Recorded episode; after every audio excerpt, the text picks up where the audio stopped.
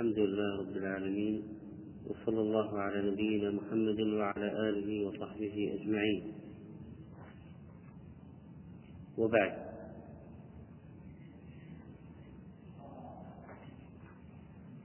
فقد تقدم الكلام في مسألة القبض في البيع في الأحاديث التي ذكرها المصنف رحمه الله تعالى في كتابه بلوغ المرام ومنها حديث لا يحل سلف وبيع ولا شرطان في بيع ولا ربح ما لم يضمن ولا بيع ما ليس عندك. وهذا القبض قد يكون حسيا كما في حالة الأخذ باليد أو الكيل والوزن في الطعام أو النقل والتحويل إلى حوزة القابض. وهذا القبض وهذا القبض قد يكون باليد وقد يكون بالتحويل إلى حسابه مباشرة إذا دخل في حسابه يعتبر أنه قد قبض المبلغ. وبناء عليه فإنه لو اشترى في المكان في المحل اشترى شيئا يلزم فيه القبض. يعني مثل الذهب والفضة. فلو اشترى شيئا وسلم البائع الثمن بيده سلمه ذهبا أو سلمه فضة أو سلمه أوراقا نقدية وهي ما يكون مقام الذهب والفضة أو خرجت من حساب المشتري فدخلت في حساب البائع في في المكان نفسه. ليس فقط خرجت وإنما دخلت. أيضا. فهذا يعتبر قبضا فهذه البطاقات الحديثة إذا كان يتم بواسطتها خروج المبلغ من حساب المشتري إلى حساب البائع ودخوله في حساب البائع في مجلس العقد اعتبر ذلك قبضا وإلا فلا. لأننا نجد أن هذه البطاقات في عدد من الأحيان يحجز فيها المبلغ حجزا ولكن لا يتم دخوله في حساب البائع إلا بعد 24 ساعة. في هذا الوقت يستفيد البنك من المبلغ لحسابه هو. يستفيد من المبلغ. فلا يدخله مباشرة في حساب البائع. وهذا بالنسبة للأشياء التي يلزم لها القبض لا يعتبر قبضا. لأنه ما دخل في مجلس العقد دخل بعد مدة بعد يوم بعد يومين. فإذا الذهب والفضة مثلا الأوراق النقدية هذه الأشياء التي يلزم لها التقابض في مجلس العقد لا بد أن يسلم ويستلم. لا بد من دخول المبلغ خروجه ودخوله في الوقت نفسه في مجلس العقد لكن الأشياء التي لا يلزم لها قبض المبلغ الآن في مجلس العقد العملية هذه جائزة. فقلنا مثلا شراء الذهب لو اشتريت ذهب من المحل بالبطاقة اشتريت سوار ذهب بألف ريال من الشرط في بيع الذهب أن يكون بيد سلم الذهب استلم الذهب وسلم النقود. في مجلس العقد في الدكان. قلنا إذا كان بالبطاقة يخرج المال من حساب المشتري. بالبطاقة. ويدخل في حساب البائع فورا. وأنت في مجلس العقد في الدكان أن ذلك يعتبر قبضا وأنه جائز. لكن لو أخذت الذهب وأعطيته البطاقة بواسطة البطاقة تم حجز المبلغ فقط. ما دخل في حساب البائع إلا ثاني يوم. إذا ما ما حصل التقابض. التقابض يعني سلم واستلم أخذ وإعطاء أو إعطاء وأخذ. لكن في الأشياء التي لا يشترط لها التقابض في مجلس العقد كما لو اشتريت من عنده كتابا. الكتاب موجود عنده فاستلمت الكتاب. أعطيته البطاقة. تم حجز المبلغ ودخوله في حسابه بعد يوم أو يومين. هذا جائز لأنه يجوز أنك تشتري الكتاب وتسلمه الثمن بعد يومين. ما في مانع. هل يجوز أن تشتري الكتاب بالدين؟ نعم. وتسلمه الثمن بعد يومين ثلاثة شهر؟ نعم. كذلك مواد الغذائية لا يشترط لها التقابض في مجلس العقد مثل الذهب والفضة والعملات مثلا. بالنسبة للشيك قلنا إن الشيك حوالة ورقة تحويل. تعطي البائع شيكا معناها أنك حولت البائع على البنك لأخذ حقه. فسيذهب لأخذ حقه إذا هو ما قبض الآن شيء. الشيك ليس مالا. الشيك بحد ذاته ليس مالا. الشيك هذا حوالة. ولذلك أخذ الشيك لا يعتبر قبضا. يعتبر أخذ ورقة تحويل على البنك لكي يستلم ويقبض فإذا شراء الذهب بالشيكات بناء على هذا لا يجوز. ثم قد يكون الشيك في مشكلة والبنك يرفض صرفه وقد يكون الحساب لا يغطي وقد وقد. إذا هذا الشيك ليس مالا في اليد وإنما هو حوالة. وهذا ما كان يراه شيخنا الشيخ عبد العزيز باز رحمه الله في قضية الشيكات أنها تحويل ورقي لاستلام المبلغ. وليس هو نفسه مالا. قال وعن عمرو بن شعيب رضي الله عنه قال نهى رسول الله صلى الله عليه وسلم عن بيع العربان. رواه مالك. قال بلغني عن عمرو بن شعيب به. وهذا الحديث ضعيف. وله روايات فيها ضعفاء وفيها ارسال في بعضها إرسال وفي بعضها راو لم يسمى وفي بعضها انقطاع. فله طرق لا تخلو من مقال. مقتضى الحديث هذا أنه لا يجوز بيع العربون أنك تسلم عربون إذا مضيت في البيع في البيعة دفعت البقية. وإذا كان تراجعت عن البيعة ذهب عليك العربون. هذا معروف بيع العربون معروف. أنك تسلم مبلغا يكون عند البائع أو وكيل البائع مثلا. إذا مضيت في البيعة يحسب العربون من الثمن فتعطيه الباقي. وإذا تراجعت عن البيعة ولم تمض فيها ذهب عليك العربون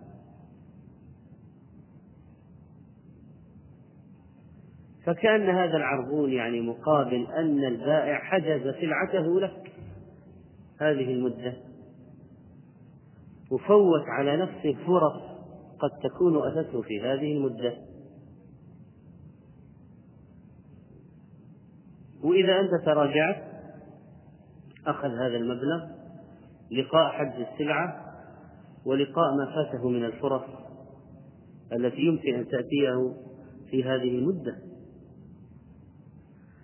هذا البيع اختلف فيه العلماء فقال بعضهم لا يجوز هذا البيع. وقالوا الدليل حديث نهى عن بيع العربان وهو بيع العربون والأربون والأربان والعربان أو الأربان والعربان فهو تعليق المشتري عقد البيع تعليق عقد بيع معلق.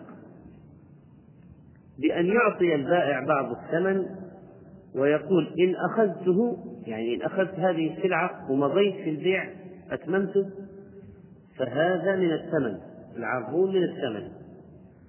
وإن لم آخذه فهو لك يا أيها البائع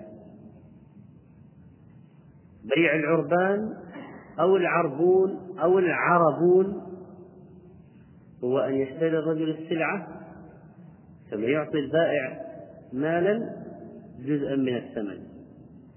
فإذا أمضى المشتري البيعة وأخذ السلعة وأمضى العقد وأتمه وأنفذه وأنهاه فما دفعه من العربون جزء من الثمن وإلا فهو للبائع. هذه المسألة خلافية. رأي الأئمة الثلاثة عدم الجواز.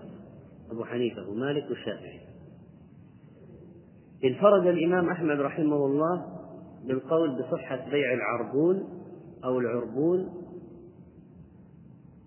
وخالفه الأئمة الثلاثة المالكية والشافعية على أنه باطل واحتجوا بهذا الحديث والحنفية قالوا فاسد لأنهم يفرقون بين الباطل والفاسد.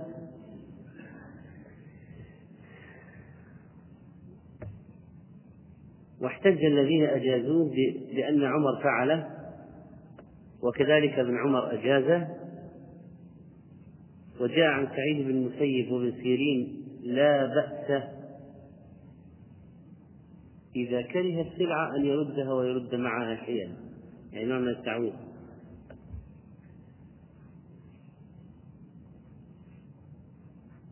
وقالوا إن الحديث ضعيف.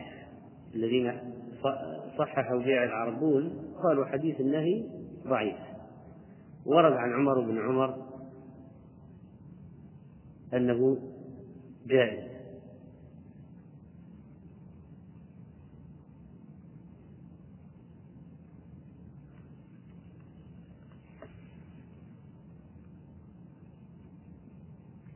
وكذلك فإن مسألة إذا كره المشتري السلعة له أن يردها ويرد معها شيئا وأن وأنه يجوز للبائع أن يقبله هو بهذا المعنى. بهذا المعنى. وهذا العربون ليس يأخذه البائع بغير عوض. لأن ممكن يقول المانعون هذا أكل مال بالباطل. البائع إذا كان المشتري إذا كان المشتري لم يمضي في العقد أو وقفه أوقفه وقال لا أريد السلعة. بأي حق يأخذ البائع الثمن؟ هذا أكل مال بالباطل. ليش يأخذ البائع الثمن؟ ترجع إليه السلعة ويأخذ العربون؟ ترجع إليه السلعة ويأخذ العربون؟ هذا لا يجوز. فيقول المجيزون إن حبس الم... إن هذا المبلغ للبائع العربون هذا كون البائع يأخذه ليس بلا مقابل فإنه مقابل حجز السلعة.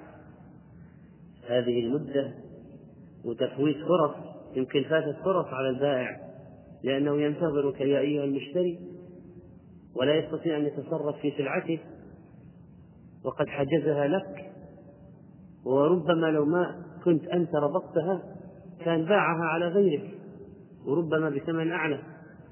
فإذا هذا المبلغ الذي سيأخذه البائع لو أنك عدلت العربون هذا الذي سيأخذه البائع مقابل تفويت الفرص ومقابل حجز هذه السلعة وعدم التصرف فيها. وإذا هو مقابل الانتظار وتوقيف السلعة وتفويت الفرص وليس العربون بمنزلة الخيار المجهول لأن المشتري إنما يشترط خيار الرجوع في البيع فإن لم يرجع فيها مضت الصفقة وانقطع الخيار وانقطع الخيار. لأن أصلا مسألة الخيار أصلا لا يجوز لابد أن يكون الخيار محددا. يعني مثلا هل يجوز أنك تشتري سلعة من من من البائع؟ وتقول أنا أشترط لي الخيار. متى ما رأيت أن أردها رددتها. بعد يوم بعد شهر بعد سنة على كيفي هل يجوز هذا؟ الخيار مجهول المدة مفتوح المدة؟ لا. ولذلك لابد من التحديد. فيقال إذا قال البائع ترى أنا يمكن أندم أريد فرصة للتراجع. أو قال المشتري أنا يمكن أندم أريد فرصة للتراجع. أريد خيارا. فنحدد وقت الخيار. يقول لك أن تتراجع في غضون ثلاث أيام مثلا. فلا بد من تحديد فترة الخيار. المانعون لبيع العربون قالوا إنه خيار مجهول المدة. وقال آخرون لا إنه ليس بخيار مجهول المدة لأن المشتري إنما يشترط خيار الرجوع في البيع فإن لم يرجع مضت الصفقة وانقطع الخيار فهناك فرق يعني في هذه المسألة. على أي حال القضية فيها وجهة نظر لهؤلاء ولهؤلاء. لكن راجح والله أعلم جواز بيع العربون لأن الحديث ضعيف وهناك عن الأخبار عن الصحابة عن بعض الصحابة بجوازه والمال لن يأخذه البائع يعني بالباطل بدون أي مقابل. هناك شيء حصل في شيء من الضرر سيحصل على البائع. لو أنك يا أيها المشتري رفضت إتمام الصفقة ورفضت إتمام البيع فهذا نوع من التعويض له نوع من التعويض له.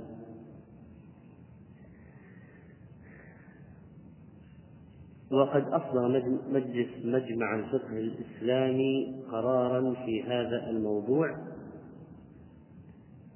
وقرر أولا المراد ببيع العربون بيع السلعة مع دفع المشتري مبلغا من المال إلى البائع على أنه إن أخذ السلعة احتسب المبلغ من الثمن وإن تركها يعني ترك السلعة لا يريدها فالمبلغ للبائع.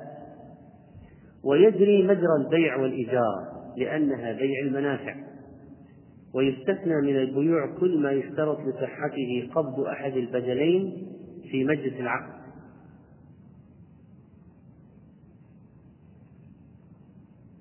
مثل بيع السلم يشترط فيه قبض أحد البدلين ما هو؟ بيع السلم يشترط فيه قبض ماذا؟ الثمن الثمن أو قبض البدلين كلاهما مثل إيش؟ الذهب والعملات بيع العملات عملة بعملة ذهب بذهب فضة بفضة فضة بذهب لابد من تقابل مجلس العقد. إذا هل يجوز بيع السلم في الذهب والفضة؟ لا يجوز. يعني أنت ممكن تشتري سيارة بطريقة بيع السلم. السيارة غير موجودة عند البائع. فنقول البيع فيه سلعة وفيه ثمن. لا يجوز عقد بيع ما في سلعة ولا ثمن. ما يجوز. تعقد معه عقد بيع إنك تشتري منه سيارة لا تسلمه ثمن ولا يوجد عنده سلعة. هذا لا يجوز. فإما أن تكون السلعة موجودة وتسلمه الثمن يدا بيد وهذا أكثر البيعات اثنين أن تكون السلعة موجودة وتسلمه الثمن فيما بعد. يعني شراء بالدين. تشتري وتسلم الثمن بعدين. هذا جائز في غير ما يشترط له التقابض كالذهب والفضة وبيع العملات. ثلاثة أن تكون السلعة غير موجودة. فلا بد من تسليم إيش؟ الثمن كاملا في مجلس العقد لكي يصح على بيع على أنه بيع سلم مع بقية شروطه. مثل أن يكون موصوفا لا يتغير قابلا للوصف في الذمة تعيين موعد التسليم لا يكون في الذهب والفضة والأوراق النقدية لأن لا يجوز بيع السلم فيها وهكذا. إذا ويستثنى من البيوع كل ما يشترط لصحته قبض أحد البدلين في مجلس العقد السلم أو قبض البدلين مبادلة الأموال الربوية والصرف ويجوز بيع العربون إذا قيدت فترة الانتظار بزمن محدد. فلا بد إذا في صح في بيع العربون أن يكون المدة محددة. فيقال أنا أريد أن أشتري الأرض هذا عربون. لو أنا أمضيت البيعة العربون جزء من الثمن. كم ثمن الأرض؟ مئة ألف؟ هذه خمسة آلاف عربون. إذا مضيت في البيعة دفعت لك 95 إذا تراجعت عن البيعة خمسة لك. الخمسة لك يا أيها البائع طيب ما هي؟ لا بد من تحديد مدة. فيقال خلال ثلاث أيام خلال أسبوع خلال كذا يوم. إذا كان جئت وأتممت البيعة سأعطيك بقية الثمن. وإذا تراجعت فالمبلغ لك. إذا يشترط لصحة بيع العربون عند من يصحح بيع العربون تحديد المدة. فيجوز بيع العربون إذا قيدت فترة الانتظار بزمن محدود. ويحتسب العربون جزءا من الثمن إذا تم الشراء ويكون من حق البائع إذا عدل المشتري عن الشراء. في شيء حول بيع العربون؟ نعم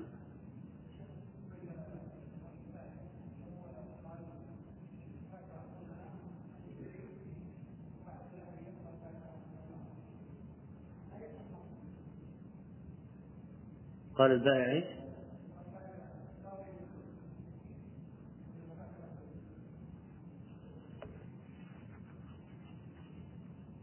إذا دفع المشتري شوف العربون بيع ترى بيع العربون هذا بيع. يعني هناك عقد حصل. وهذا جزء من الثمن. لكن البيع معلق. لكن البيع هو عقد. في عقد. ملزم عقد. من جهة المشتري هو الذي يتراجع. لكن البائع إذا قبل ببيع العربون والمشتري اختار المضي فيه فلا يحق للبائع التراجع.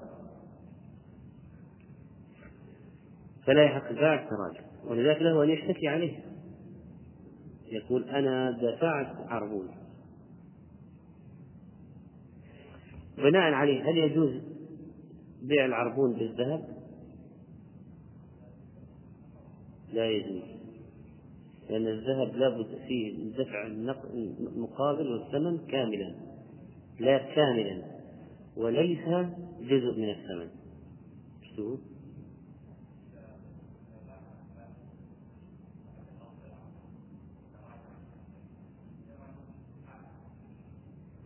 متى باعها البائع؟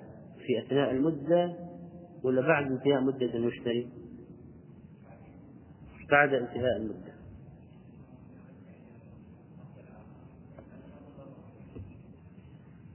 لكن لكن أخذه للمال صحيح لقاء الحجز الذي حجزت به السلعة.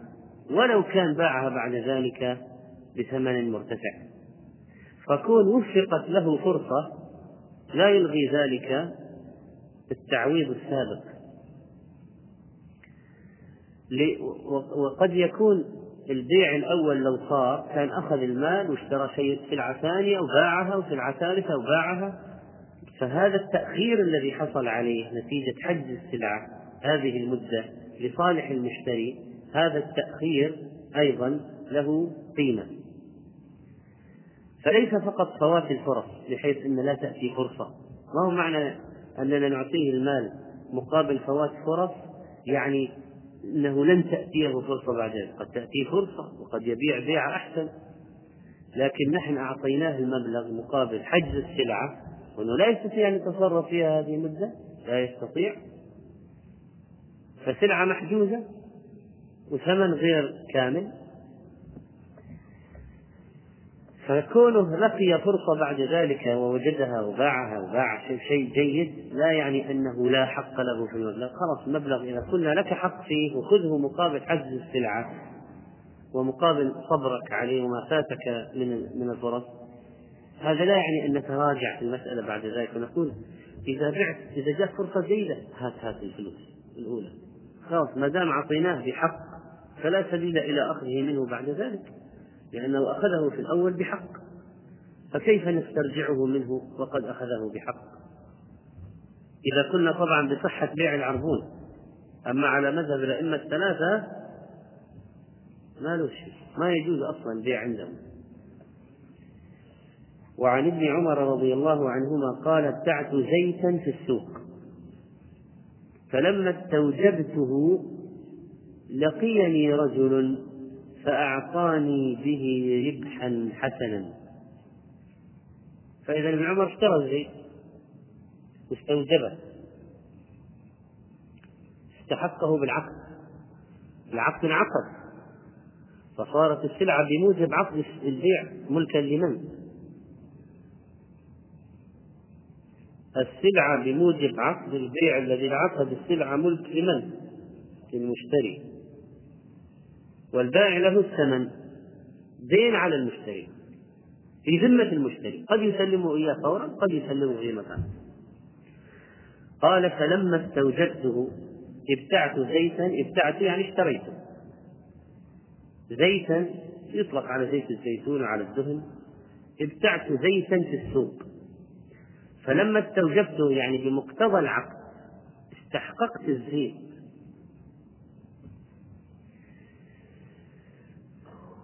لقيني رجل فأعطاني به ربحا حسنا. فأردت أن أضرب على يد الرجل يعني أعقد معه عقد البيع لأن كان من عادة المتبايعين أن يضرب أحدهما يده على يد الآخر عند عقد البيع. إذا عقد البيع ضرب بيده على يده. ضرب البائع أو المشتري بيده على يد البائع أو المشتري فأردت أن أضرب على يد الرجل. فأخذ رجل من خلفي بذراعي قبل أن يضربها على يد الرجل الذي يريد أن يشتري منه. واحد أمسك بذراع ابن عمر أمسك بذراع البائع والآن اشتراه يريد أن يبيعه. قبل أن يضرب وإذا بشخص يمسك يده. فالتفت. فإذا هو زيد بن ثابت رضي الله عنه. إذا زيد بن ثابت أمسك بيد ابن عمر قبل أن يضرب بها على يد المشتري الجديد. فقال لا تبعه حيث ابتعته. لا تبعه حيث ابتعته. لا تبعه في المكان الذي اشتريته فيه. لا تبعه في المكان الذي اشتريته فيه. لا تبعه حيث ابتعته. حتى تحوزه إلى رحلك. حتى تحوزه يعني تحرزه وتضمه بنقله إلى ملكك وتغيير مكانه الأول. تغيير مكانه الأول. ورحلك المسكن وما يكون مع الإنسان من الأثاث والمتاع. والصلاة إذا ابتلت النعال فالصلاة في الرحال العبارة هذه إذا ابتلت النحال إذا ابتلت النعال فالصلاة في الرحال. يعني في البيوت في المساكن. قال لا تبعه حيث ابتعته حتى تحوزه إلى رحلك. فإن رسول الله صلى الله عليه وسلم نهى أن تباع السلع حيث تبتاع حتى يحوزها التجار إلى رحالهم. رواه أحمد وأبو داود واللفظ له وصححه ابن حبان والحاكم. وصححه ابن حبان والحاكم. وهذا الحديث له طرق جيدة. يدل على أنه لا يصح من المشتري أن يبيع ما اشتراه قبل أن يقبضه ويحوزه إلى مكانه. إذا أنت الآن لو اشتريت سلعة من بائع في محل البائع وأعطيته الثمن خلاص السلعة ملكك الآن. أو الثمن بالدين ليست قضية لأن البيع تم هل. وجاء واحد قال إيش سويت يا فلان؟ قال قلت والله اشتريت هذا من من هذا الشخص. قال كم شريته؟ قال ب 100 قال خذ 120 واطرح هات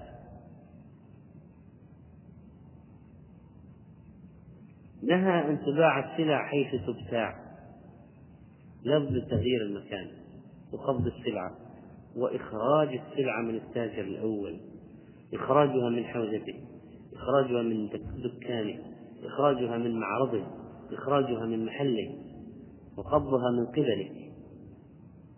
أنت تأخذها إلى أين؟ هذه قضية أخرى. تأخذها إلى بيتك تأخذها إلى دكانك تأخذها إلى الشارع. طيب الآن هذا السوق العام. افرض في سوق عام البلدية قالت هذا السوق أرض مفتوحة. ما في محل ملك لأحد.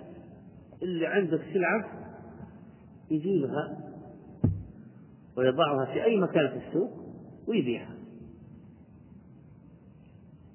فأتى شخص بسلعة وضعها في السوق العام هذا.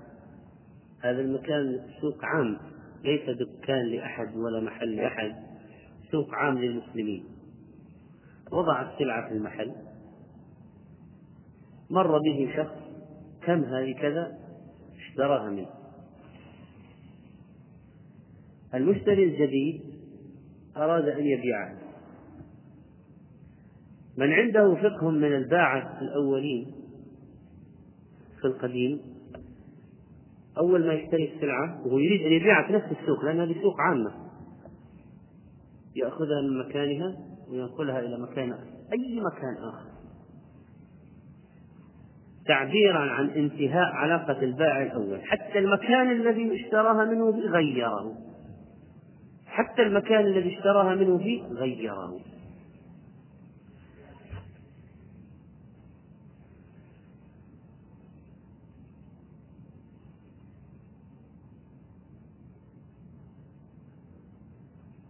لتنتهي علاقة التاجر الأول تماما.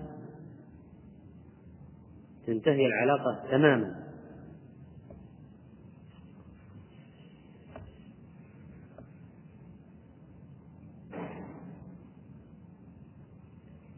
طيب لو واحد قال أنا أريد أن آخذ السلعة من التاجر الأول وأضعها في سيارتي وأبيعها في سيارتي. نقول لا بأس. لا بأس. خذ السلعة من التاجر الأول وضعها في سيارتك. هذه حيازة وبعها وهي في سيارتك. ما في مانع. هذه حيازة هذا قبض.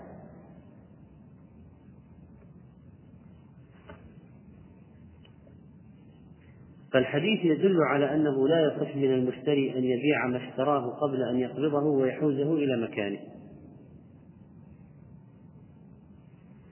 طريقة البنوك هذه الذي يقول لك نشتري لك معادن. ونبيع لك المعادن. والمعادن هذه لا أنت رأيتها. ولا عاينتها. ولا لك رغبة فيها أصلا. أنت لا تريد معادن ولا شيء أنت تريد فلوس. وتشتريها.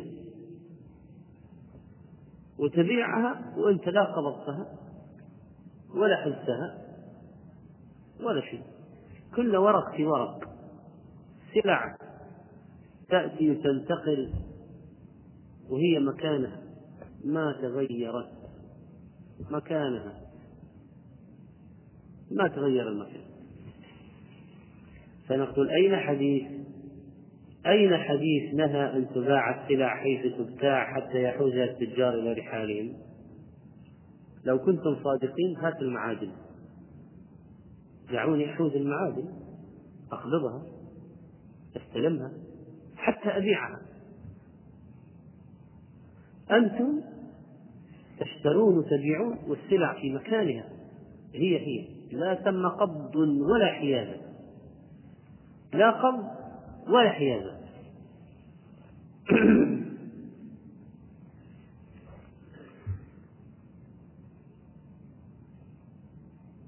جمهور العلماء على أن الحكم هذا عام في كل مبيع.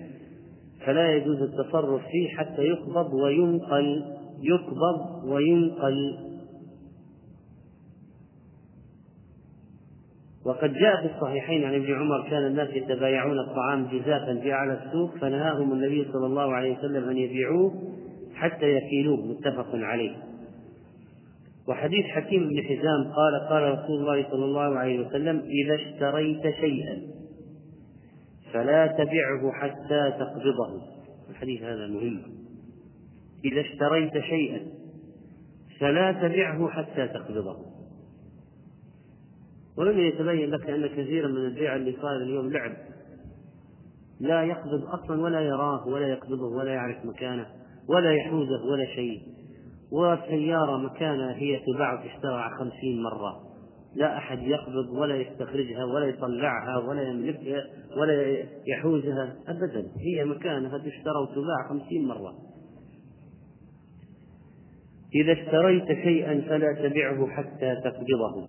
لا بد من إنهاء علاقة التاجر الأول بالموضوع تماما.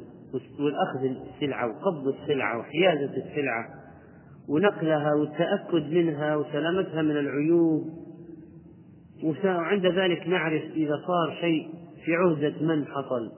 الخلل أو العطب. في عهدة من؟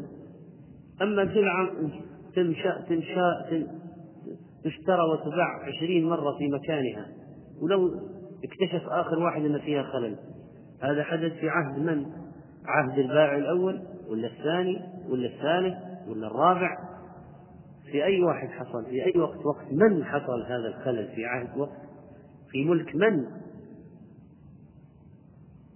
وعند أبي داود عن زيد بن ثابت أن النبي صلى الله عليه وسلم نهى أن تباع السلع حيث تبتاع حتى يحوزها التجار إلى رحالهم. فدلت هذه الأحاديث على أنه لا يجوز بيع أي سلعة اشتريت إلا بعد قبض البائع لها واستيفائها. قال ابن القيم رحمه الله إنه لا يجوز بيع شيء من المبيعات قبل قبضه بحال. بأي حال من الأحوال لا يمكن. وهو من محاسن الشريعة وقد ثبت المنع في الطعام بالنص وفي غيره إما بقياس النظر أو بقياس الأولى. طيب لو قلنا لو واحد قال طيب كيف قبض الأراضي. الكتاب سهل. أنا اشتريته قبضته أخذته من البائع طلعت من المكتبة. بعته في الشارع. بعته في بيت. بعته في محل آخر. قبضته. كيف قبض الأرض؟ هل يمكن نقل التراب حفر الأرض وأخذها؟ لا يمكن. فيقال قبض كل شيء بحسبه. فما يمكن أخذه واستلامه أخذ واستلم. طعام كتاب ثلاجة ثوب يقبض ويستلم ويحال ثم يباع. المشتري وين يبيعه؟ هذه قضية أخرى. ليست مشكلة. يبيعه في بيته يبيعه في الشارع يبيعه في دكانه. هو حر. طيب الأرض. اشتريت أرضا وأريد أن أبيعها. كيف أقبضها؟ قالوا قبضها تسليمها من قبل البائع وقبضها من قبل المشتري يتم بالتخلية فيما بينه وبين الأرض أن يخلي البائع المشتري يمكنه من الأرض فلو كانت مسورة لها باب قفل قال هذا المفتاح هذه أرضك وأن يخليها من متاعه ولو كان له فيها معدات سيارة آلات أثاث نقلة وأخلاها للمشتري. إذا كيف يتم قبض الأرض؟ بالتخلية فيما بينها وبين المشتري وإزالة أي شيء من ممتلكات البائع منها. فالبائع قد يكون عنده أرض فيها مبنى جاهز بورتبل ينقله. قد يكون له فيها ماكينة مضخة رافعة شاحنة يخرجك من الأرض. فيزيل ما له فيها من الممتلكات التي لا, لا, لا تدخل في البيع. فهذا هذا هو القبض إذا ما هي العبارة الخلاصة؟ قبض كل شيء بحسبه. قبض كل شيء بحسبه. هل يجوز أن توكل في القبض؟ نعم.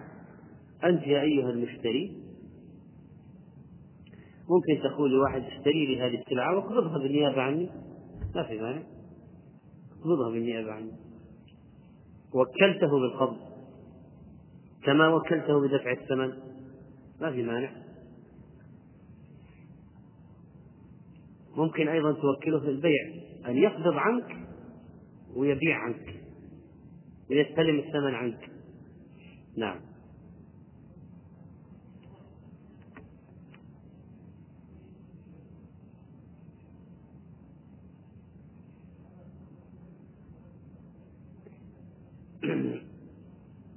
إذا كان هذا مكان التاجر الأول تخرج منه. ولذلك قلنا لو أنت واقف في الدكان اشتريت سلعة من الدكان صاحب الدكان ودخل واحد الدكان وقال بعني هذه السلعة. تخرج من المحل. ليه؟ لأن بقائك في المحل يعني استمرار خيار البيع بالنسبة للبائع. أليس قال عليه الصلاة والسلام البيعان بالخيار ما لم يتفرقا؟ البيعان بالخيار ما لم يتفرقا. إذا البائع الآن طول ما أنت في المحل له أن يتراجع. أليس كذلك؟ له أن يتراجع. وانظر إلى أي شيء يمكن أن تؤدي إليه مخالفة الحكم من المشكلات. استلمت السلعة وأنت في الدكان. فجاء واحد قال ماذا فعلت يا فلان؟ قلت اشتريت هذا بعشرين. قال أنا أشتري منك بخمسة وعشرين. فلما رأى البائع هذا أن سلعته التي باعها قبل دقيقة الآن تعرض تشترى بأكثر. فقال لحظة لحظة هات هات. ألست في الدكان؟ أليس لي حق الخيار؟ أليس البيعان بالخيار ما لم يتفرقا؟ ألسنا لم نتفرق بعد؟ ألست ذاك الدكان؟ تراجعت عن ها. فإذا الانفصال عن صاحب المحل عن صاحب السلعة الأول والخروج من محله بعد قبض السلعة هذا شيء مهم في قطع النزاعات. نعم. نعم. طبعا من زمان الجمال ما لها استمارات. يعني واحد اشترى جمل راح باع الجمل. ما في استمارة ولا نقل ولا لوحات عن الجمل ولا شيء. تغيرت ولا لوحات عن الجمل ولا شيء. تغيرت الأزمان وصار في أنظمة لشراء السيارات واللوحات مهمة ولها فوائد أمنية اللوحات. واشترطت الحكومة ترتيب اللوحات واشترطت استمارة لإثبات الملكية والاستمارة مكتوب فيها مواصفات واسم البائع لكي يكون عنده إثبات دائم أنه هو يملك هذا.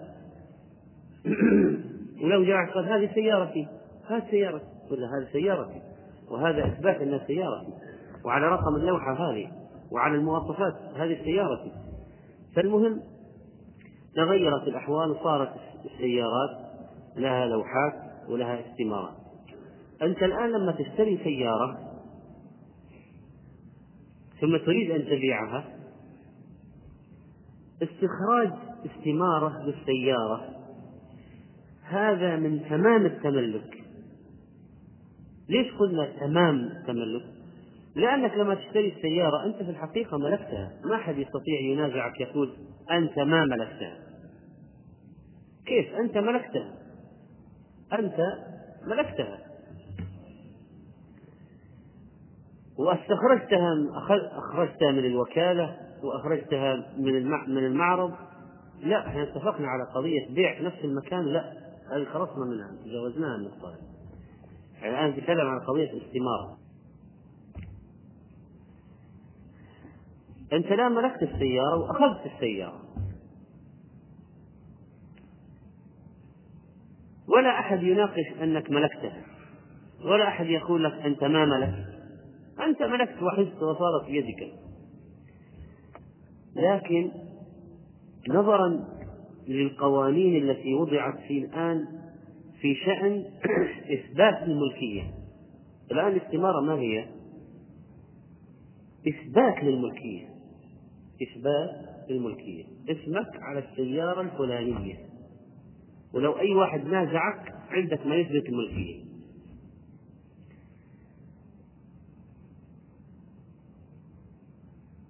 ما حكم بيع السيارة قبل استخراج الاستمارة؟ لو كانت الأمور على العهد القديم كان قلنا ما في استمارة ما في بيع لما نظر العلماء المعاصرون أو بعض العلماء المعاصرين في مسألة الاستمارة وأهمية الاستمارة وأن إثبات التملك إثبات للتملك قالوا نقل قالوا استخراج الاستمارة من تمام التملك. من تمام التملك لأنه إثبات له. وبناء عليه أصدرت اللجنة الدائمة للإفتاء فتوى بوجوب استخراج استمارة قبل بيع السيارة. هذه الاستمارة تعبير وبيان وإثبات لتمام التملك قبل البيع فالآن إذن الاستمارة يتم التملك تمام التملك بها فحيث أنك تقبض ويتم تملكك بالكامل بإخراج هذه الاستمارة التي تثبت تملكك الكامل على السيارة. بعد ذلك تبيع. هذه فتوى اللجنة في موضوع الاستمارة. طبعا نحن نعرف أن الاستمارة فيها تكلفة. وأن بيع السيارة بعد الاستمارة ينزل قيمتها. لأنها تعتبر انتقلت من مالك إلى مالك. ويقولون استمارة عرفا كذا في السوق. إذا وضع مالك ثم مالك ثاني نقصت القيمة ولو السيارة ما مشت شيء. هكذا بمجرد وجود مالكين تنزل القيمة. أو معروف أن المسألة فيها إيش؟ كلفة مالية. ومع ذلك أفتت اللجنة بعدم بيع السيارات إلا بعد إثبات تمام التملك بالاستمارة. نعم. الإجارة بيع منفعة. فهو يبيع منفعة المسكن أبيعك منفعة المسكن المنفعة مدة ستة أشهر مدة سنة مدة سنتين بكذا ريال. إذا كنت تريد شراء منفعة السكن ستة أشهر تدفع ست آلاف ريال. إذا كنت تريد شراء منفعة السكن سنة تدفع عشرة آلاف ريال. تبغى تشتري المنفعة منفعة السكن ليس الرقبة والأصل تشتري المنفعة. تشتري منفعة السكن ست أشهر بستة آلاف ريال. 12 شهر 10000 ريال. بس تدفع الآن. هذا جائز. ما في مانع. تبغى تدفع إيجار ستة أشهر تستأجر المبنى مدة ستة أشهر. تدفع لي ستة آلاف. تستأجر سنة ادفع عشرة آلاف. تستأجر سنتين ادفع ثمانية عشر ألف. تستأجر ثلاث سنوات ادفع ستة وعشرين ألف. فهو ممكن ينقص له يعني. كل ما أجر مدة أطول يعطيه إيجار. لو قسمته على المدة يطلع أقل. لكن البائع أو بائع المنفعة الذي هو المؤجر يخفض لك الإيجار كل ما استأجرت مدة أطول لأنه يضمن ساكنا في بيته. مستمرا. رحمك الله.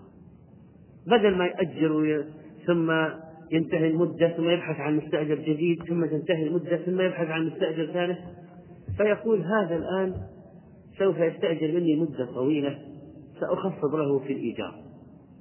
إلى هنا الوضع مقبول. حتى هذه النقطة. لو قال استأجر الشقة تدفع ستة شهور استأجرها ستة شهور ستة آلاف. عشر شهور آه 12 شهر بعشر آلاف. قال أمهلني. أمهلني يعني ما في إجارة ولا عقد. لأنه الآن ينتظر جوابه ليعقد عقد الإجارة. فلو قال له خلص استأجرت منك البيت وقعنا العقد. بس نخلي قيمة الإجارة مفتوح ما نكتب شيء. لو جبت لك بعد ستة شهور اكتب علي ستة آلاف. ولو جبت لك غدا اكتب علي عشرة آلاف. ولو جبت لك هذه إجارة غير صحيحة لأن الأجرة غير معلومة. وقع عقد إجارة أو باللفظ يعني أجر الشقة بأجرة غير معلومة. ما ندري هي ستة على ستة شهور ولا هي عشرة على سنة ما ندري. فكيف يعقد هذا العقد؟ فإذا لو قال أمهلني إذا رضي بإمهاله هذا ليس عقدا. العقد سيأتي لما يجيب الجواب. لما يجيب الجواب بعد الإمهال والتفكير لما يجي يقول قررت إني أستأجر ستة أشهر. قررت إني أستأجر سنة. هنالك يتم العقد. وهذه المدة اللي جلس فيها وقت الإمهال ليست بشيء. يعني كأنها كرم من المؤجر. أي نعم.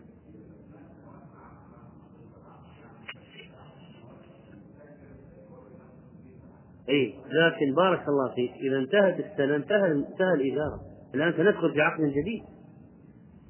سندخل في عقد جديد. وذاك ينطبق الكلام الذي قيل. يقول هذا السؤال هل يجوز قراءة القرآن بغير هل يجوز قراءة القرآن بحائل لغير المتوضئ؟ نعم. يمكن أن يمسه بحائل كقطعة قماش أو أو أو الحائط تمسكه بالقفاز أو بقطعة قماش أو تقلب الورقات بالقلم.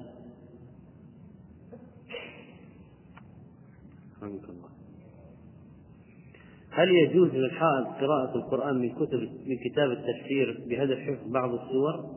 نعم لأن كتاب التفسير ليس مصحفا الآن لو أخذ جزء من تفسير ابن كثير مثلا أو أخذ تفسير الشيخ السعدي رحمه الله وغيره هذا هذا التفسير الذي الكلام فيه أكثر من المصحف الموجود فيه أكثر من الآيات. تفسير وليس مصحف تفسير. إذا ليس له حكم المصحف.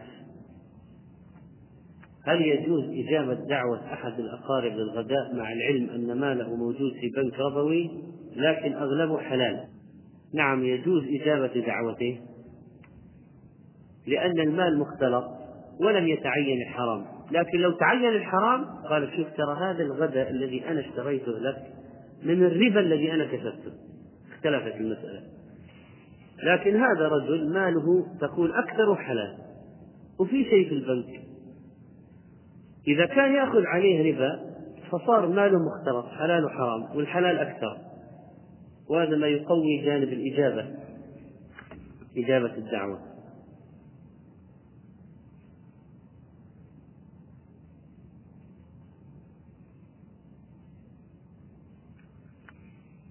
شخص عرض بيته للبيع وأتى مشتري ورآه ثم أتى آخر.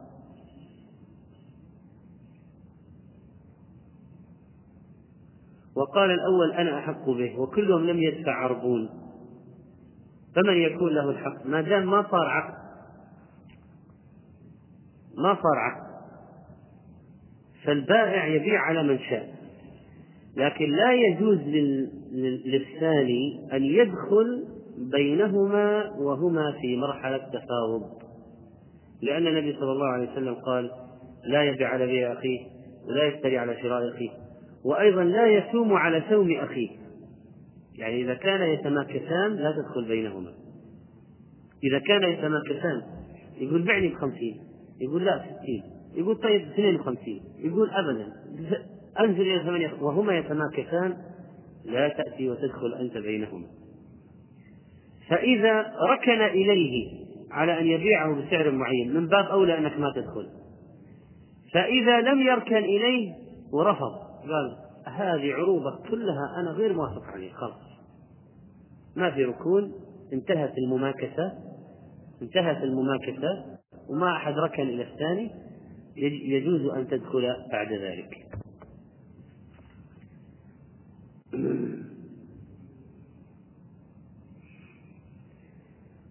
هذا السؤال عن مجموعة شباب في أحد البلاد على عقيدة أهل السنة والجماعة ويسألون نصيحة. نصيحة في موضوع الدعوة أن تبدأ كما بدأ دعوة النبي صلى الله عليه وسلم. وأنذر عشيرتك الأقربين. ويبدأ بمعارفه وأصدقائه وجيرانه وأقاربه. ثم تنتشر الدعوة إلى الجميع. ويصدع بالدعوة. وإذا رأى أن من المصلحة إقامة جمعية مثلا للاستفادة منها في الدعوة فليحرص على أن تكون ذات ترخيص لا يسبب له مشكلات بحيث يستطيع أن يمارس من خلالها الدعوة. أو أن يدعو الناس إلى محاضرة مثلا فالعامل جمعية يسجلوها تسجيلا رسميا هذه الجمعية. وقالوا إننا نريد أن نجمع تبرعات وأن نقيم دورات وندوات ومحاضرات مثلا. فصار صارت الجمعية هذه أعون لهم على القيام بالدعوة يعني ساعدتهم أكثر. فهذا جيد ومن الحكمة أن يعملوا ذلك لأنها تعينهم على أشياء كثيرة وتسهل لهم الأمور حيث أن هذه الجمعية تكون مرخصة. وكذلك أن يحرصوا على إقامتها على شرع الله وأن يكون البنيان على تقوى من الله ورضوان. فبعضهم يمكن يعمل منشأة من هذا النوع بالربا أحيانا. يقيمها. وبعضهم قد يقيمها ويعمل فيها نشاطات من المعاصي أو منكرات مثلا. قد يقيم فيها أشياء آه، فيها أدوات له ويقول هذا نشاط. أشياء من المعاصي يقول هذا نشاط. يسمح لبعض أهل الفجور يقول تعالوا أقيموا عندنا حفلة لكم وفيها منكرات. إذا ينبغي أن تكون نقية قائمة على تقوى من الله ورضوان. وينبغي كذلك أن لا يصادم بها المجتمع ولا يعمل عملا يكون سببا في إلغائها وإغلاقها ومنع الاستفادة منها. فإذا بالحكمة بالحكمة تتم الأمور. هل يجوز الخروج في رحلة صيد مع أقارب لا يصلون؟ إذا كان يخرج بقصد دعوتهم وأنه الآن يتسلل إلى قلوبهم من خلال هذه المداخلة التي ستحدث في الرحلة ليؤثر عليهم. فهذه رحلة دعوة وليست رحلة صيد في الحقيقة والصيد تابع وسيلة والهدف هو الدعوة فلا بأس. طيب. وأما إذا كان سيخرج في رحلة صيد مع ناس لا يصلون ويكون فيها مباسطة ومؤانسة لا في دعوة ولا قصد دعوة ولا التوصل إلى دعوة ولا شيء. فإن مرافقة من لا يصلي لا خير فيها. مرافقة المرتد عن الإسلام لا خير فيها. وهذا سؤال عن مأساة عن بنت يعتدي عليها محرمها. ماذا تفعل؟ هل تهرب هل تشتكيه فنقول والعياذ بالله نسأل الله السلامة والعافية إن ما يحدث من مثل هذا دليل على ذهاب الغيرة وحصول ما يغضب الله ونتيجة طبيعية لرؤية الأفلام وغيرها من الأشياء التي تثير الشهوات. وكذلك فإن مثل هذا لا يجوز أن يؤتمن على هذه البنت أو الفتاة ولا يجوز له أن يخلو بها ولا تظهر أمامه. فتنتقل منه إلى بيت ولي آخر يؤتمن عليها. ولو كان هذا لا يمكن إلا بالشكوى فالشكوى ولو كان لا يمكن الشكوى إلى الشرطة فتشتكي إلى الشرطة. لأن بقاء الأمر على ما هو عليه جرم عظيم يسخط الله عز وجل. إذا يبدأ بالحلول الأسهل فالأسهل. يوعظ يذكر بالله يخوف. وما يقدم عليه من الحرام والمنكر العظيم وخيانة الأمانة. فإن لم يتأثر. انتقلت إلى بيت ولي آخر تلجأ إليه ليحوطها ويحفظها ويحميها. فإن لم يمكن إلا بالشكوى تشتكي ولا تلقي الأمر على ما هو عليه أبدا. تقول في حالة إذا تقدم أحد للزواج هل تقول له الحقيقة؟ وهي تعيش في بلد غربي الآن. الجواب ليست ملزمة بذلك ولا يجب عليها كشف الماضي المخبأ. وهذا أمر لا ليس ليس من جرمها وإنما هو اعتداء حصل عليها. وبناء عليه غير ليست ملزمة أن تقول إنه حصل لي في الماضي كذا وكذا. وكذلك لو تابت لو كانت هي عاصية وتابت فليست أيضا ملزمة بالإخبار لأن الشارع يحب الستر ولا يحب الفضيح ولا يريد الفضيحة. ولذلك هذا الذي يريد أن يتزوجها أو تزوجها إن قبل بها على حالها الحمد لله. إما قبل على حالها بها على حالها وطلقها فالحمد لله على كل حال. وليست مرغمة على البوح بما حصل وخصوصا في شيء ليس بيدها أو حصل اغتصابا.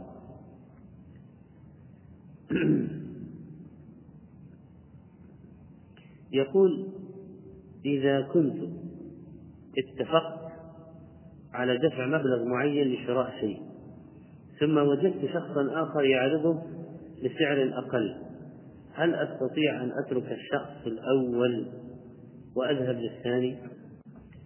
إذا كان ذلك قبل انعقاد العقد وقبل لزومه يجوز. فلو أنك وجدت شخصا يبيعه بعشرة أو كتب على السلع عشرة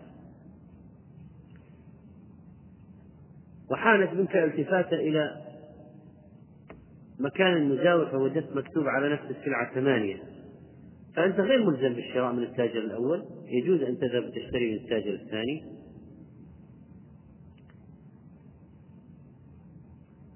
وكذلك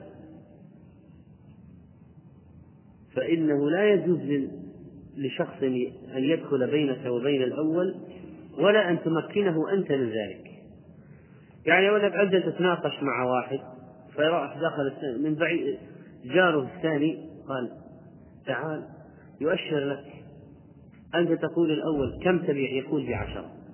نزل لا هي بعشرة.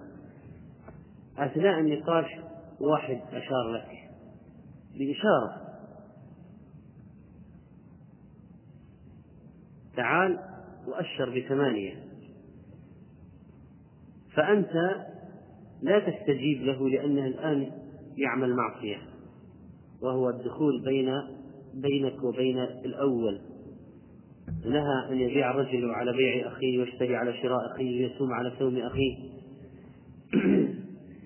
لكن أنت لو أنك عرفت عرفت. افرض أنه يبيع على واحد ثاني وسمعته وهو يبيع على واحد ثاني غيرك بثمانية.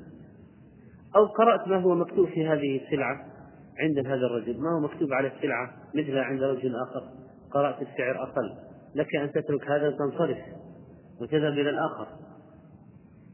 كذلك لو أنت في دكان الأول ولك الخيار يمكن أن تفسخ العقد وتشتري من من من واحد ثاني. افرض أنت نزلت مع صاحبك إلى السوق. تبحثان عن سلعة معينة. والسوق كبيرة. فقلت لصاحبك أنا سآخذ هذا الجهة وأنت خذ الجهة الأخرى. كلانا نبحث عن هذه السلعة. واللي يجدها بأرخص يخبر الثاني بالجوال. وذهبت إلى دكان. قلت له بكم؟ قال بعشرة. قلت طيب هذه عشرة.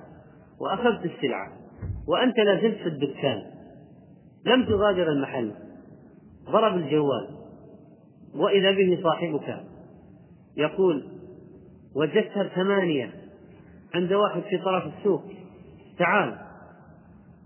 قلت له لكني دفعت الثمن. قال ألست في الدكان؟ قلت نعم. قال افسخ. عندك خيار. البيعان بالخيار ما لم يتفرقا.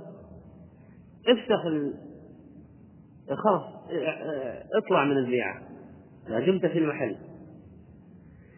لكن لو خرجت من المحل لزم البيع ولا تستطيع الآن أن ترغم البائع على التراجع ولا يمكن إلا عن طريق الإقالة. ما هي الإقالة؟ أن ترجع إلى البائع الأول وتقول أنا اشتريت منك بعشرة والبيع لزم لأني خرجت من الدكان. البيع لزمني وأنا مجبر الآن. السلعة معي ما في تراجع. إلا إذا أنت وافقت. وأنا أطلب منك الإقالة أطلب منك فسخ البيع أطلب منك أن تقبل أخذ السلعة ورد النقود. فإن وافق على الإقالة فمن أقال مسلما أقال الله عثرته وإن لم يوافق أنت ملزم بها. فلو أنك طلعت من المحل وذهبت إلى محل ثاني وجدت بأقل وندمت.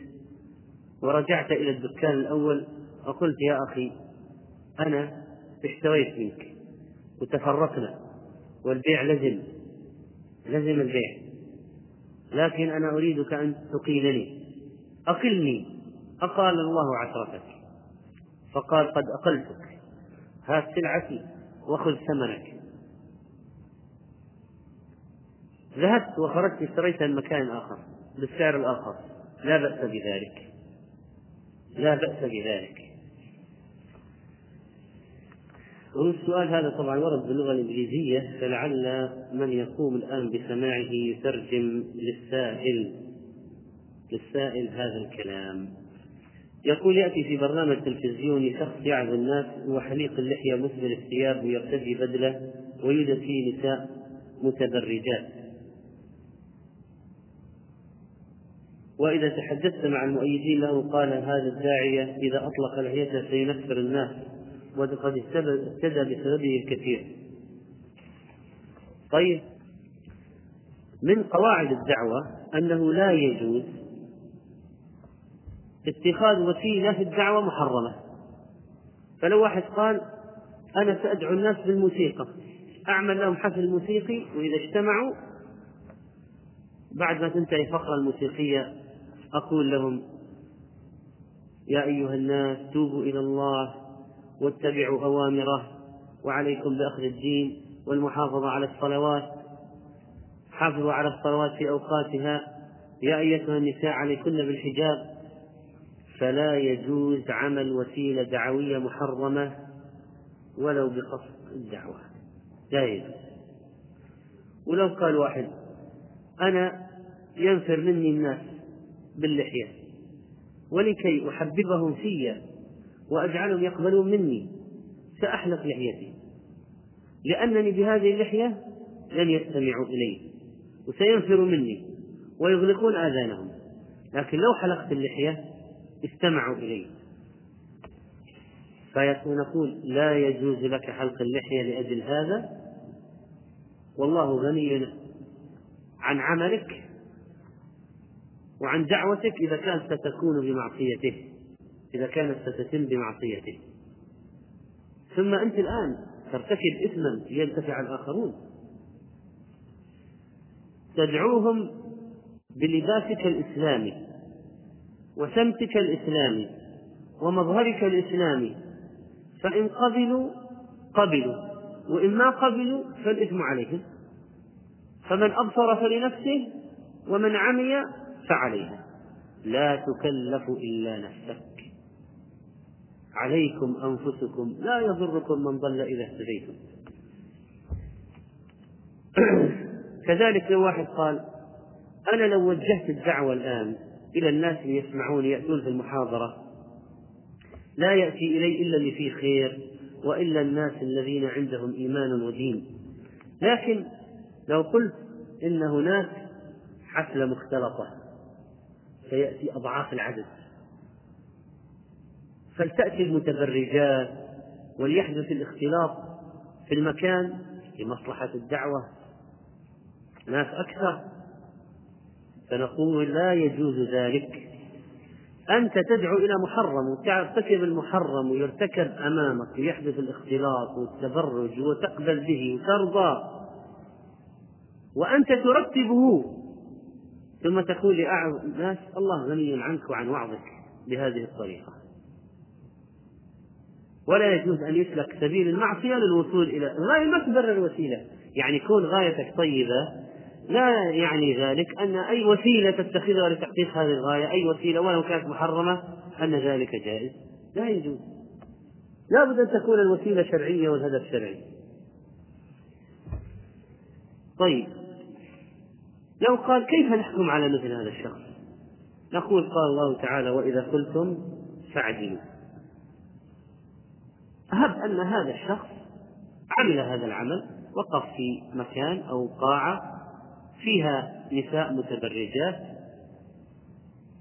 وفيها اختلاط وتكلم ونصح ووعظ وذكر فنقول هذا الرجل له حسنات. تذكيره ووعظه ونصيحته من حسناته. وله سيئات فحلاقة اللحية أو التشبه بالكفار أو الاقتراب من النساء والنظر إلى النساء المتبرجات يعني النظر إليهن لأنه ممكن أن يقترب منهن وينظر إليها ينظر إليها. الناس يرونه ينظر إليها. الناس يرونه ينظر إلى المرأة المتبرجة. فهذا من سيئاته. والله عنده ميزان. الله عز وجل عنده ميزان يزن الحسنات والسيئات.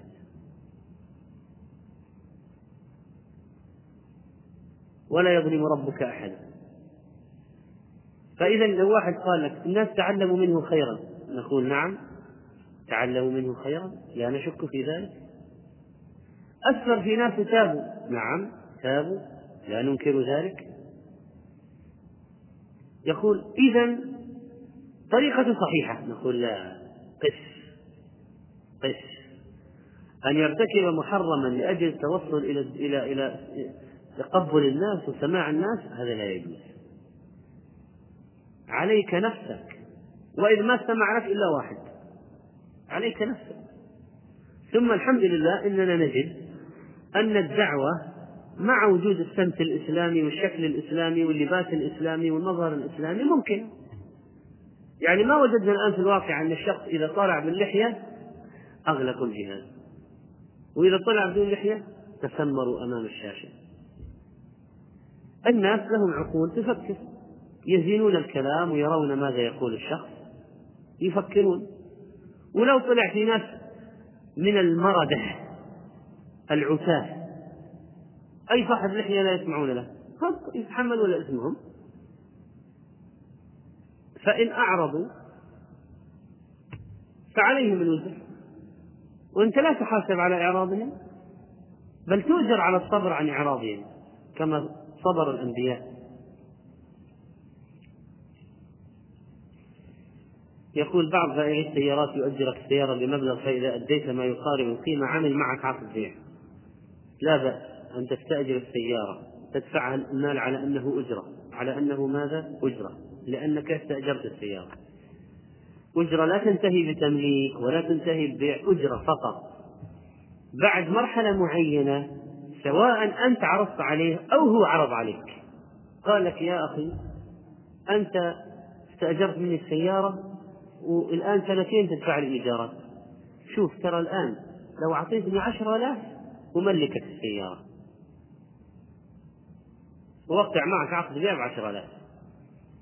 أنا سأعتبر الأجرة الماضية كأنها جزء من الثمن كأنها. وسأعقد معك الآن عقد بيع. فلا بأس أن توافق وتنتقل من الإجارة إلى البيع بعقدين منفصلين. كان عقد إجارة وانتهى وأعطيته الأجرة عن المدة الماضية. والآن تريد أن تعقد معه عقدا جديدا منفصلا مستقلا بقيمة محددة. فلك ذلك لا بأس بهذا.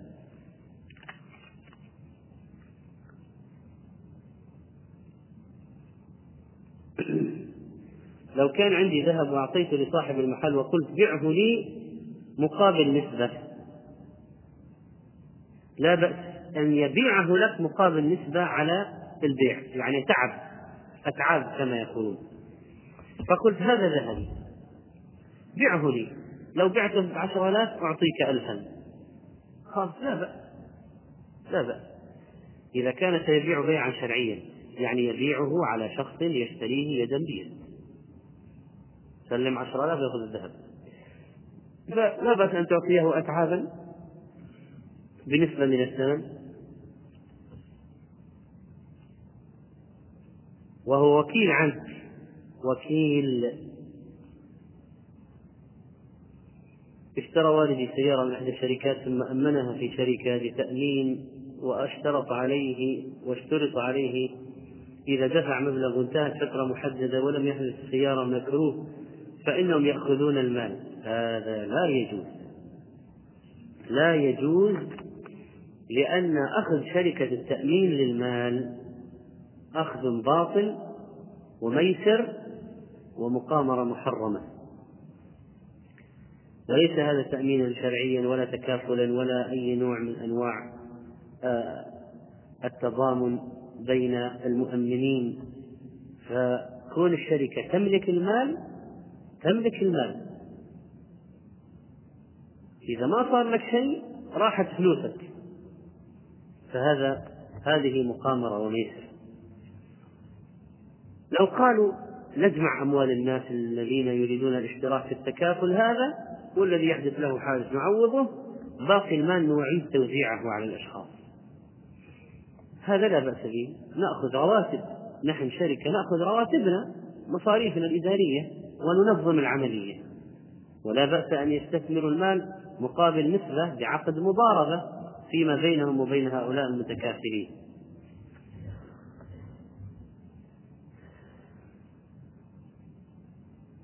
لنا زملاء في أمريكا وفي تعاملنا نحسن إليهم من غير مجاملة على حساب الدين. ما هو رأيك في هذا الصنيع؟ زملاء دراسة. لا بأس. تحسن إليهم. لا ينهاكم الله عن الذين لم يقاتلوكم في الدين ولم يخرجوكم من دياركم. أن تبروهم وتقسطوا إليهم. فإذا لا أخرجونا من ديارنا ولا ظاهروا على إخراجنا فلا بأس أن نقسط إليهم ونبرهم. وأما إذا قاتلونا في الدين وأخرجونا من ديارنا وظاهروا على إخراجنا فليس لهم إلا السيف. هذا لو كنا قادرين. لكن لو كنا غير قادرين ربما نضطر نضطر إلى التربص حتى نتقوى لنقاتله وربما يكون هناك في الشعب الواحد ناس مختلفين. ناس يحاربون الدين وناس مسالمين. ناس معرضين عن الدعوة وناس يسمعون لك. يقول أعطينا مما عندك. عرفنا بدينك. مقبلين عليك. فيعامل كل واحد بحسب حاله.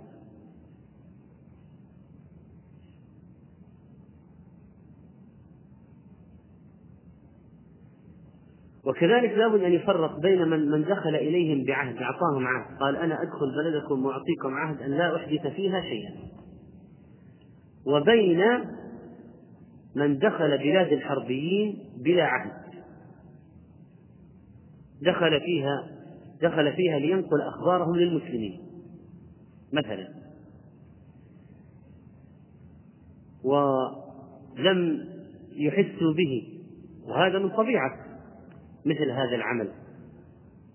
فإن النبي عليه الصلاة والسلام لما بعث عينا ودخل في قريش ودخل في جيش المشركين ودخل دخل وأخفى نفسه لكي ينقل الأخبار المهمة للمسلمين. وقد يذهب الواحد إليهم لأخذ سر من أسرار الصناعة لكي يفيد به المسلمين. فإذا الذهاب له أحوال وله أسباب. للذهاب. قد تكون تجعله مقبولا شرعا وقد لا يكون مقبولا شرعا.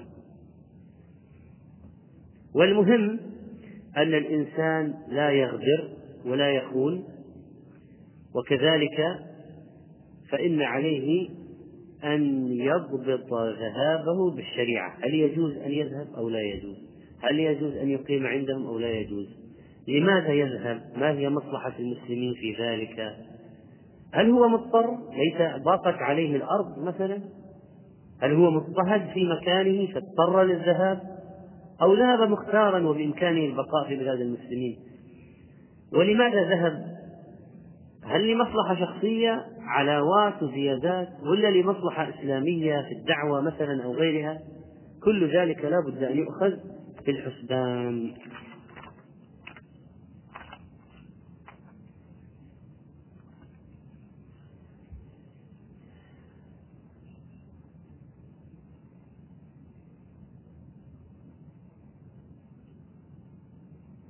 يقول النفس هل يكون بعد التعوذ أو قبل؟ حسب الرواية.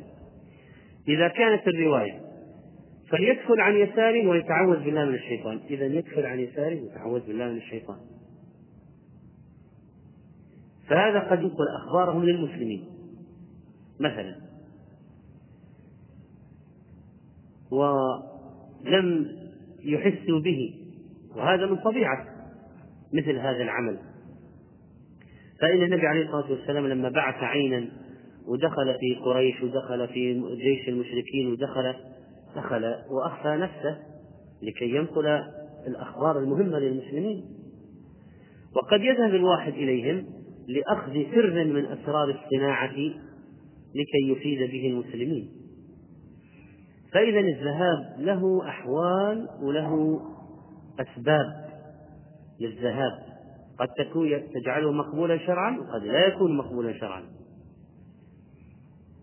والمهم أن الإنسان لا يغدر ولا يخون وكذلك فإن عليه أن يضبط ذهابه بالشريعة. هل يجوز أن يذهب أو لا يجوز؟ هل يجوز أن يقيم عندهم أو لا يجوز؟ لماذا يذهب؟ ما هي مصلحة المسلمين في ذلك؟ هل هو مضطر؟ ليس ضاقت عليه الأرض مثلا؟ هل هو مضطهد في مكانه فاضطر للذهاب؟ أو ذهب مختار بإمكانه البقاء في بلاد المسلمين؟ ولماذا ذهب؟ هل لمصلحة شخصية علاوات وزيادات ولا لمصلحة إسلامية في الدعوة مثلا أو غيرها؟ كل ذلك لا بد أن يؤخذ في الحسبان.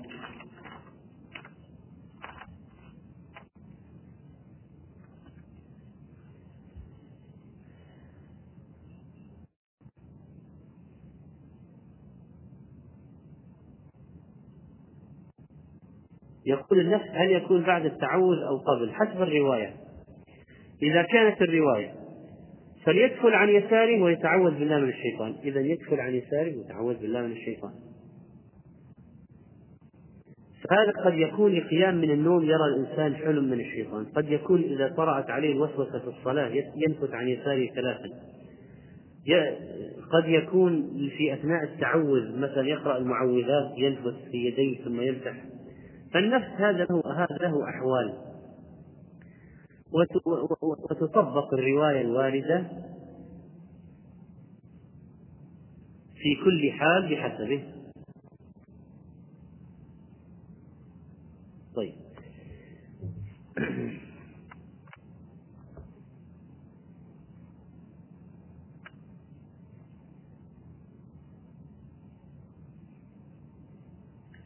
ذهب رجل يشتري أساور لزوجته فلم يجد المقاس المناسب لها في السوق فأخبره صاحب المحل بأنه سوف يصنع له حسب المقاس ولابد أن يأخذ عربونا وكامل أو كامل المبلغ حتى يتمكن من التصنيع. جمهور العلماء أنه لا بد أيضا من التقابض يدا بيد ولذلك فإنه يدفع له ثمن الذهب. هذه أسلم طريقة. يدفع ثمن الذهب ويستلمه. ثم يقول أعطيك الذهب لتفعل لي به كذا بأجرة كذا. الآن عملنا عقدين. واحد شراء الخام والثاني تصنيع الخام.